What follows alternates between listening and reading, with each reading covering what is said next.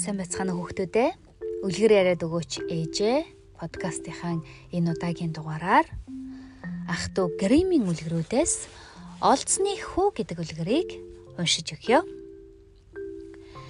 Нэгэн модчин байж гин нэг удаа анд яван айхавтар их ойн маш гүнд орж гинэ.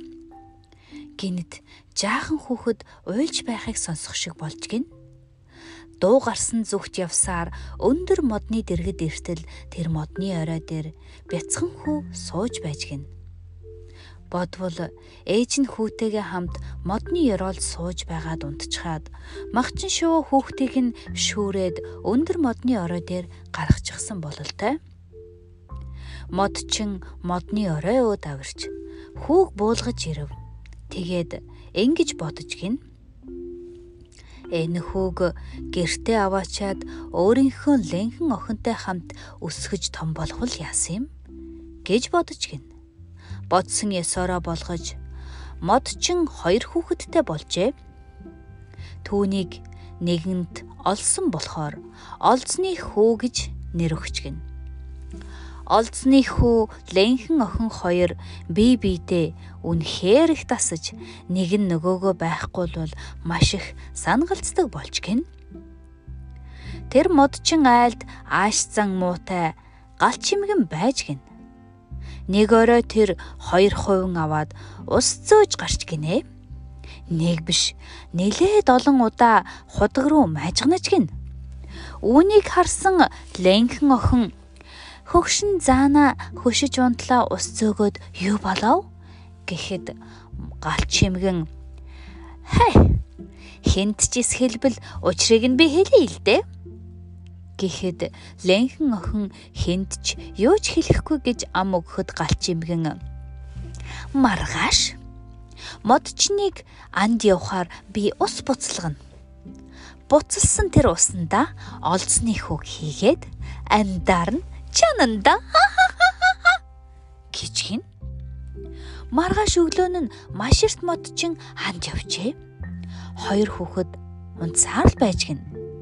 Тэгээд лэнхэн охин олзны хүүг сэрээгээд чи намайг хаяхгүй бол би чамаас хагцахгүй гэхэд хизээч үгүй гэж олзны хүү хэлж гин.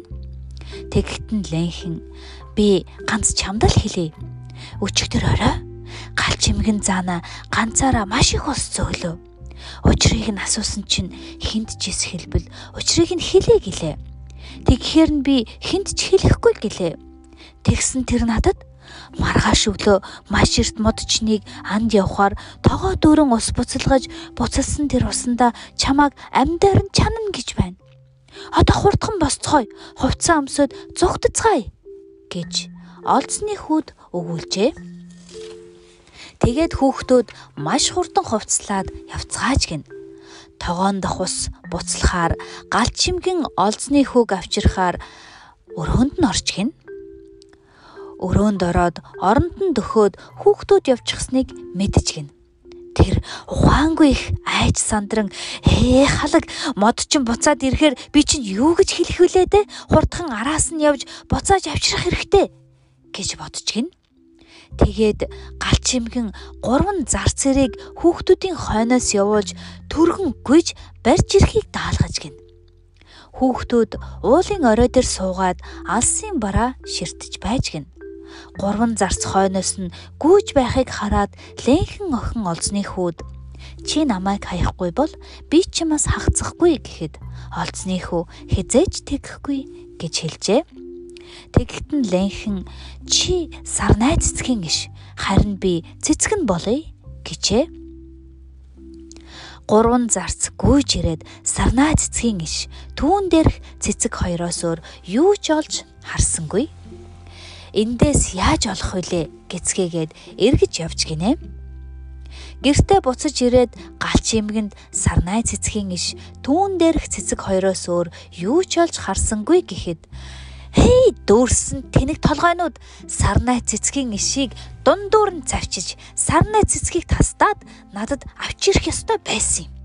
Бошоо төргөн явцгаа миний хийснийг биелүүлцгээ гэж хин. Тэд дахиад л эрэлт гарчээ. Хөөхтүүд тэднийг бас л алсаас олж хараад лэнхэн олзныхүү. Чи намайг хаяхгүй бол би чамаас хагцахгүй гэхэд хизээч тэгэхгүй гэж олзныхүү хариулжээ. Тэгэхэд нь лэнхэн би сүм чи түүн дээрх хүрээ цаграг бол гэжээ. Гурван зарц хурч ирээд дээрээ хүрээ цаграхта сүмээсөөр юу ч олж харсангүй. Тэгээд хоорондоо энд юугаа хийхв? Эргээд гэртээ харьцгаая гэж хэлцгээж гин. Гэртээ буцаж ирсэн чинь галч шимхэн тэднээс хүүхдүүдийг олов уу гэж асуужээ. Дээрээ хүрээтэй сүмээсөөр юу ч алга гисгэхэд хар тэнгүүд усан тэнгүүд сүмийг нь нурааж хаяад хүрээг нь надад авчрах ёстой байсан юм гэж сагнаж гин. Тэгээд эмгэн өөрөө очихоор шийдэж гурван зарцын хамт хүүхдүүдийн хойноос явцгаажээ. Гурван зарцын араас галч эмгэн бас майжганаж явахыг хүүхдүүд алс холоос харцгаажээ. Лэнхэн охин олцныхүү чи намайг хаяхгүй бол би чамаас хагцахгүй гэхэд хизээч үгүй гэж хариулж гин. Тэгтэн лэнхэн чи нуур би нууран дундах нугас болъё гэжээ. Эмгэн хурчирээд нуур байхыг үзээд усыг нь ширхтэл уух гэж газар твтээд өгч гин. Гэтэл нугас хурдхан шиг хөвж ирээд хушуугаараа толгой дээрээс нь зууж аваад ус руу чирээд оруулчихж гин. Ингээд эмгэн шулам үгүй болж гинэ. Хүүхдүүд гэртээ хөгжилтөн баясаж буцаж ирцгэн аавтайгаа хамт амар сайхандаа жаргаж гинэ. Хүүхдүүдээ үлгэр яриад өгөөч ээжээ подкастынхаа энэ удаагийн дугаараар ах トゥ гриминг үлгэрүүдээс олцны хүү гэдэг үлгэрийг ярьж өглөө. Дараагийн дугаараараа дахин уулзтлаа баяртай хүүхдүүдээ.